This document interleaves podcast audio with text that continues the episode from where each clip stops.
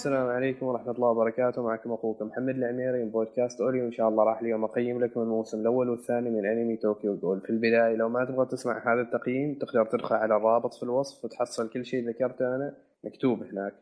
الأنمي هذا من إخراج من استوديو بييرو مخرج الأنمي موريتا شوهي المانجاكا الموسم الأول آه، شو إيشيدا ميكاسانو صدرت المانجا في 2011 وانتهت في 2014 سنة بداية بث الموسم الأول.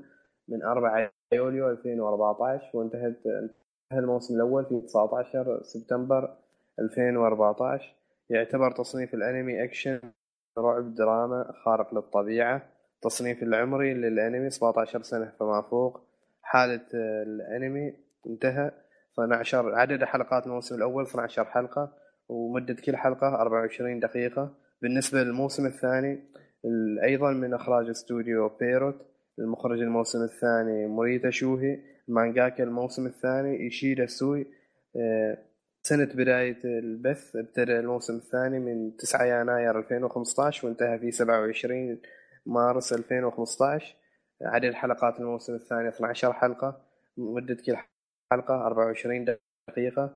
قصة الأنمي بشكل عام هي أن هذا طالب جامعي اسمه كانيكي يتعرض لحادث ويتم زراعة عضو غول في جسمه بدون ما يعرف الأطباء فيتحول نصف غول لنصف إنسان اللي ما يعرف الغول الغول هو كائن يشبه البشر يتغذى على البشر يعتبر من آكلي لحوم البشر.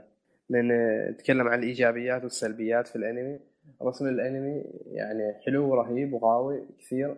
الاستوديو اللي سوى الأنمي أبدع فيه وقدروا أنهم يجسدوا العنف اللي باغين يطلعوه وأعطونا الصورة المناسبة له. أيضا القتالات والضربات في الأنمي كانت بدون مماطلات وتحسها قتالات حية. أيضا الموسيقى في الأنمي جميلة ومؤثرة ومناسبة مع الأحداث وفي اللحظات الحزينة تحسها حزينة وفي اللحظات الحماسية تكون موسيقى حماسية. ومن أفضل الموسيقى اللي كانت في الأنمي موسيقى White Silence وأغنية البداية الموسم الأول أيضا كانت مؤثرة كثير. أيضا تصعيد بين الطرفين بين البشر والغيلان كان في مبالغات يعني إذا ما تعرف التصعيد هو محاولة الطرف للتغلب على الطرف الآخر كيف كانوا البشر يحاولوا يتغلبوا على الغيلان وكيف كانوا الغيلان يتصدوا لمحاولات البشر. أيضا من الأمور المشوقة في الأنمي تعامل البطل كانيكي مع المواقف اللي تصير له مع الأحداث اللي تصير له في المستقبل وكيف هو يحاول يتمسك كونه بشري ويحاول يرفض فكرة أنه هو صار غول صار الحين عدو البشر. أيضا من الإيجابيات في الأنمي في الموسم الثاني القصة والغموض يزيد أكثر فيه ونبدأ نتعرف على شخصيات أكثر. نبدأ نتعرف على الشخصيات أكثر الشخصيات المصاحبة للبطل نبدأ نتعرف على أطراف جديدة في الأنمي نبدأ نتعرف على أقسام وأشياء ثانية وعلى ماضي بعض الشخصيات أيضا. والموسيقى في الموسم الثاني تكون أيضا حزينة ومناسبة مع الأحداث أكثر. والتصعيد أيضا يصير أفضل من الموسم الأول وتبدأ الأكشن في الأنمي يزيد أكثر بين البشر والغيلان.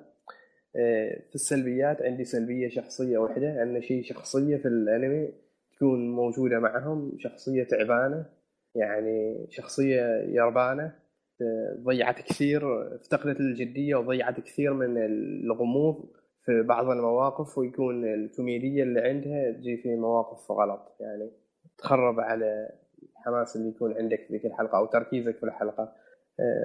تقييمي النهائي للأنمي أعتبره بصمة في التاريخ.